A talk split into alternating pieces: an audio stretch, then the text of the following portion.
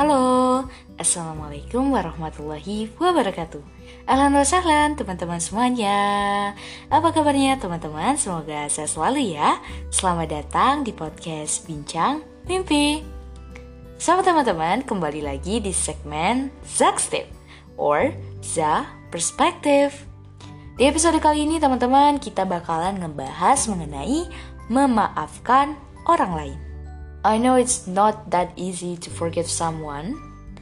Apalagi kalau kesalahan yang dia lakukan ke kita itu bikin kita benar-benar hancur, sedih, trauma, atau bahkan ngerasa menyesal banget. Kenapa pernah ketemu dia dalam hidup gitu. Dan kadang pikiran-pikiran kita mengenai orang itu walaupun orang itu udah baik seberapa pun dengan kita itu kebaikannya bisa jadi menghilang hanya karena satu kesalahan yang pernah dia lakukan. Nah teman-teman di episode gue kali ini kita bakalan membahas lebih lanjut tentang memaafkan orang. Tetapi gue disclaimer dulu teman-teman ya. Kalau teman-teman udah di fase trauma salah satu cirinya adalah ketika teman-teman itu ngerasa bener-bener takut ya ketika berhadapan dengan orang ini atau ketika mendengar atau melihat kejadian yang serupa ciri fisik teman-teman tuh jadi berubah menjadi menggigil, keringatan, terus juga pikirannya jadi kacau, sedihnya itu sedih yang menerus, continue dan nggak bisa lepas rasanya itu dari hal-hal seperti itu. Dan bikin bener-bener mentalnya itu down, depression and anything else. I suggest to you guys to go to the pakar, ya, yeah. to the psychologic, psycholog or psikiater. Go to them, ya. Jangan dengerin podcast gue, jangan cuma dengerin podcast gue karena ketika teman-teman udah menunjukkan ciri-ciri fisik kayak menggigil, keringetan dan segala macam, you should take the medicine. You should go to the therapist. Ya, ada bantuan medis, ada bantuan terapinya dan lain-lain. Dan gue nggak punya kapasitas untuk melakukan itu. So, teman-teman harus semangat. Teman-teman pasti bisa sembuh dari mental health issue yang teman-teman alami, yaitu berupa trauma. Karena about trauma itu butuh bantuan dari medis ya. Butuh bantuan dari pakar dari expertnya oke? Okay? so semangat teman-teman. Bismillah semoga sembuh. Kita semua harus berjuang wajib berjuang. So untuk memaafkan orang lain gue bedakan dulu dalam dua perspektif ya teman-teman. Jadi perspektif pertama itu adalah orang yang melakukan kesalahan dari kita sebagai bentuk feedback dari apa yang kita lakukan ke dia. Ya. Jadi kayak semacam balas dendam. Orang ini balas dendam ke kita. Gimana sih kita memandang balas dendam itu sendiri? Case yang kedua atau perspektif yang kedua, orang ini kok melakukan kesalahan yang unforgivable, nggak bisa dimaafkan, padahal kita nggak ada apa-apa sebelumnya, dia yang mencetuskan kesalahan itu. Gue memisahkan kedua case ini agar penanganannya pun berbeda. Ya, agar bisa segera segera pulih gitu.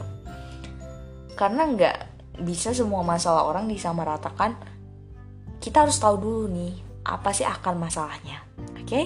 So, kita bakalan bahas ke case yang pertama. Jadi teman-teman, untuk case yang pertama kita bahas ya Ketika ada orang melakukan kesalahan sebagai bentuk dari balas dendam ke kita, revenge-nya ke kita, gimana sih kita menanggapinya? Teman-teman, jangan pernah menutup diri untuk belajar. Jangan pernah merasa diri itu udah perfect. Ya, karena itu sangat-sangat berbahaya. Oke, okay? jadi bisa jadi orang yang nggak suka sama kita ini kita harus tahu dulu kilas baliknya kenapa sih dia nggak suka gitu jangan asalan menyalahin dia nyalahin dia kamu nggak bener nggak suka sama aku aku ini orangnya baik rajin menabung dan lain-lain itu adalah perspektif yang salah. Kurang tepat karena teman-teman bisa jadi apa yang dia lakukan ke teman-teman itu menjadi pembelajaran paling besar yang teman-teman bakal dapetin dalam hidup. Ya, karena kadang yang dia sampaikan atau dia bisa jadi ngomongin teman-teman kan di belakang teman-teman. Nah, pas teman-teman dengar realitanya kok pahit banget, kok sakit banget nih hati. Gimana aku bisa memaafkan orang ini? Nah, teman-teman keep it calm. Tenangkan diri dulu, tarik nafas. Untuk menghadapi hal-hal seperti ini, kita perlu ingat omongan orang lain, penilaian orang lain itu bukan urusan kita sama sekali. Ada ranah yang bisa kita atur dan ada ranah yang gak mampu untuk kita atur. Omongan orang lain, penilaian dia tentang kita, itu bukan hal yang patut kita atur. Karena itu urusan mereka. Jadi ketika teman-teman mendengarkan gosip buruk tentang teman-teman, you don't need to really take care of it kamu gak perlu terlalu peduli dengan, dengan hal itu. Karena itu adalah ranah yang gak bisa kita atur. Mau sebaik apa pun kita teman-teman. Sekelas Rasulullah Muhammad Wasallam ada. Beliau adalah uswah kita uswatun hasanah kita. Beliau adalah contoh kebaikan tapi masih ada orang yang benci dia. Bahkan banyak gitu. Dan apa yang orang lain sampaikan mengenai keburukan beliau adalah kesalahan termutlak. Gak ada beliau itu sempurna. Al-amin. Ya uswatun hasanah. Jadi dia aja sekelas Rasulullah aja beliau aja teman-teman punya haters. Dan apa yang orang sampaikan untuk dia itu adalah sebuah kesalahan kata-kata yang buruk itu. Tapi kita ini siapa coy? Kita ini manusia biasa. Ya jadi jangan mudah tersinggung karena bisa jadi omongan keburukan. Omongan orang lain tentang keburukan kita adalah suatu fakta yang tersembunyi, yang terlalu pedih untuk kita dalam menerima kenyataan itu.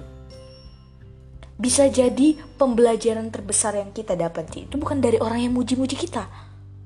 Jadi jangan jangan mengkel dulu, jangan ah enggak ah, aku enggak kayak gitu. Enggak, coba resapi dulu. Coba ketahui kilas balik kenapa dia ngomong kayak gitu. Ya, bisa jadi itu adalah suatu fakta dan bisa jadi kita duluan yang pencetusnya.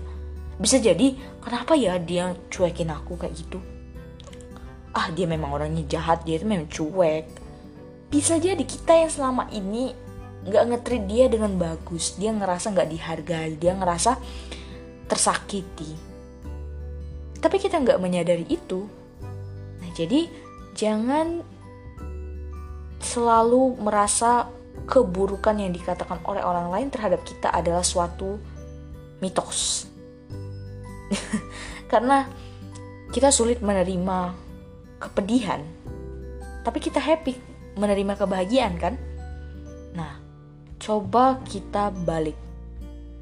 Bisa jadi kata-kata orang yang muji-muji kita itu adalah suatu hal yang akan melukai kita ke depannya karena kita kebiasaan dipuji nih, kebaikan-kebaikan apa-apa jadi ketika kita menghadapi sesuatu di kemudian hari kita bisa jadi menganggap remeh. Atau kita bisa jadi merasa sombong. Ya kan? Dan itu menjadi hal yang pedih untuk kita. Karena itu mengikis amalan kita. Itu membuat kita menjadi pribadi yang angkuh. Yang bahkan itu akan merusak ke depan ke kemudian harinya. Karena kita berhenti. Atau memberhentikan diri pensiun dini dari yang namanya belajar tapi bisa jadi teman-teman omongan orang yang pedih banget di awal itu adalah fakta yang kita bisa gunakan itu sebagai senjata, senjata kita untuk evaluasi diri. Bener kan? Nah, gitu teman-teman. Jadi jangan mempersempit perspektif hanya karena kita tidak menyiapkan diri untuk menerima fakta. Oke? Kemudian yang case yang kedua ya teman-teman, mengenai orang yang hmm, kok dia nih tiba-tiba benci out of nowhere, tiba-tiba kebencian itu merajalela. Gimana ya merespon hal seperti itu? By the way teman-teman, gue juga pengen kasih boundaries juga untuk case yang pertama tadi. Teman-teman juga jangan sampai misalnya orang ini udah menyebarkan gosip yang aneh-aneh tentang teman-teman, ya. jangan sampai teman-teman juga membiarkan aja gosip itu tersebar tapi teman-teman juga harus berusaha untuk membenarkan faktanya jangan sampai juga orang taunya apa padahal kita nggak kayak gitu gitu. Itu harus juga dibenarkan. Ya diperbaiki itu omongan orang yang kadang gosip-gosip aneh yang nggak jelas gitu ya. Dan kita punya hak untuk itu ingat ya. Kita punya hak untuk itu. Jadi jangan takut. Tapi yang pengen gue ambil di sini adalah mindset. Ya mindsetnya. Karena itu penting banget. Oke? Kita lanjut bahas yang case yang kedua di mana orang-orang itu kadang kan benci out of nowhere dengan kita gitu. Gimana sih maafinnya? Teman-teman memang memaafkan dan merelakan kesalahan orang lain itu gak semudah teorinya. Apalagi kalau sampai membuat kita tuh luka gitu kan. Nyembuhinnya gimana? Gue saranin teman-teman untuk berdamai dengan diri sendiri dulu. Menenangkan diri, mengambil napas, menghela napas, lalu mencoba untuk tidak mengambil keputusan ketika sedang marah dan tidak membuat janji ketika sedang senang. Itu hadisnya.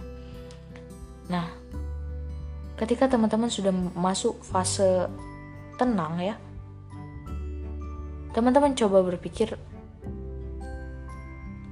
ke depan ke depannya lagi.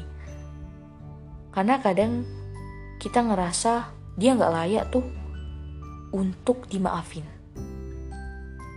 Tapi kita lupa kalau diri kita pun juga layak untuk pulih layak untuk bahagia tanpa terikat dengan dia gitu tanpa terikat dengan kesalahan yang dia lakukan. Ya. Jadi mungkin kalau teman-teman merasa tersiksa banget ketika mengingat apa yang orang lain ini lakukan ke teman-teman teman-teman coba membayangkan dan mengamati diri sendiri kalau misalnya masalah yang teman-teman alami itu dilepaskan ya dimaafkan teman-teman bayangin kalau teman-teman ngemaafin orang ini apa sih yang bakalan dirasain kalau kita terus berbaur dengan rasa dendam rasa amarah, rasa benci. Apakah kita akan benar-benar bahagia? Apakah kita akan benar-benar menjalani kehidupan yang kita pengenin? Apakah benar-benar kita merasa puas ketika nggak memaafkan orang ini? Apakah benar-benar orang ini layak untuk tidak dimaafkan. Dan gue pengen mengingatkan teman-teman. Ada suatu hadis yang mengatakan, Maafkanlah orang lain sebagaimana kamu ingin dimaafkan oleh Allah. Hadis riwayat At-Tabrani. Teman-teman, perlu diingat kesalahan orang ini semacam apa? Sejauh mana? ya jangan sampai kita melihat manusia itu harus tanpa kesalahan ke kita. Harus bersih murni nggak pernah melukai kita. Kita pun pernah melukai orang lain. Kita pun pernah salah. Kita pun pernah berdosa. Dan Allah menjanjikan balasan yang luar biasa ketika kita memaafkan orang lain. Mampukan diri teman-teman untuk melihat orang lain itu dari perspektif kebaikannya. Ini nggak mudah memang, ya. Ini sangat-sangat nggak mudah. Apalagi ketika luka yang dia perbuat itu udah mendalam. Tapi teman-teman, lihatlah dia dengan kasih sayang. Sebagaimana kamu ingin Allah merahmati kamu dengan kasih sayang. Ya, doakan bisa jadi dia berubah dan ketika dia berubah kamu mendapatkan jariahnya teman-teman. Kalian mendapatkan jariahnya. Ketika dia mengerjakan sholat akibat dari doa kamu kamu dapat jariahnya coy. Ingat coy. Ingat itu coy. Kalau kamu terus berlarut-larut dalam penyesalan, kedendaman dan lain-lain, hidup kamu gak akan terlalu progresif. Dan kalau progresif pun kamu akan terus-terus menarik diri kembali untuk balik ke fase di mana kamu tidak bahagia, ke fase di mana kamu overthinking, di fase di mana kamu cannot enjoy your life full dan gak merasa fulfillmentnya tuh nggak ada gitu. Walaupun kamu happy seharian tiba-tiba nanti teringat malamnya aduh masalah ini itu tuh capek ya kan? Itu tuh capek jadi apa salahnya kalau teman-teman sudah mampu keluar dari kubangan gelap itu ya dari masalah itu untuk mengambil perspektif lain ya ambil perspektif lain di mana oh Mungkin pertama orang ini belum tahu. Buat excuses, buat pemakluman. Mungkin dia ini salah dan mengambil keputusan pada saat itu. Mungkin dia lagi capek atau apa. Atau mungkin dia nggak mengerti apa yang kita udah mengerti. Ya. Seharusnya kita menjadi lebih dewasa dari permasalahan kita Sejauh mana pun permasalahan kamu teman-teman, sedalam apa pun luka yang telah dia kasih ke kamu, obatnya itu ada dalam diri kamu sendiri. Gue bisa ngomong kayak gini, segala macam lo dengerin ceramah dan lain-lain, kalau lo nggak siap untuk diobati atas luka yang lo alami, ya luka lo bakal tetap luka. Ya, walaupun menahun kemudian dia sembuh tapi nggak memang nggak bisa kembali lagi sempurna misalnya kecuali lo sendiri yang menyempurnakan obat itu yang menyempurnakan luka itu menjadi sembuh sepenuhnya ya luka itu akan tetap ada perspektif lo yang membiarkan aja atau perspektif lo yang merawat luka itu dan menjadikan itu sebagai sebuah pembelajaran agar tidak tercipta luka-luka berikutnya. Jadi, your life is all about your perspective, about your mindset. Dan mindset terbaik adalah mindset nabawiyah, ya. Mindset Rasulullah Muhammad Sallallahu Alaihi Wasallam. Karena beliau adalah utusan, ya, nggak sembarangan. Beliau mengatakan itu bukan Allah mewahyukan itu, Allah menyuruh mm, malaikat menyampaikan sesuatu kepada Rasulullah karena itu sudah tahu at the end of the day-nya bagaimana. Dan keluasan dari hadis, dari Al-Quran itu sendiri sudah tahu nanti tuh bak bakalan digunakannya tuh untuk part-part mana aja. Jadi Rasulullah mengatakan bahwasanya maafkan sebagaimana kamu mau dimaafkan oleh Allah. Enggak masalah sepele, cuman kesandung temen atau cuman senggol-senggolan temen diminta maafin enggak tapi maafkan sebagaimana kamu ingin dimaafkan oleh Allah itu sangat luas general dan lo harus menerapkan itu ke kehidupan lo sebesar apa pun masalah itu itu berlaku gitu. Jadi ingat-ingat lagi yuk kita hidup di dunia ini sementara. Alangkah melelahkannya kalau di akhirat nanti harus ada urusan baru yang sebenarnya di dunia ini mampu untuk diperjelas, dipersingkat gitu. Oke teman-teman, yuk maafkan semua orang sebesar apa pun kesalahannya.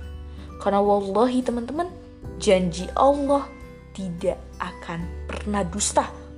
Omongan Rasulullah Muhammad SAW tidak akan pernah salah Wallahi teman-teman, wallahi dia yang menciptakan langit dan bumi, dia yang menciptakan malam dan siang, dia yang mengetahui setiap hati hambanya.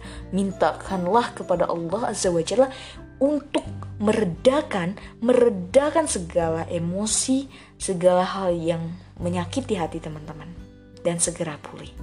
Barakallahu fikum. Wassalamualaikum. Sampai berjumpa di episode berikutnya. Bye bye.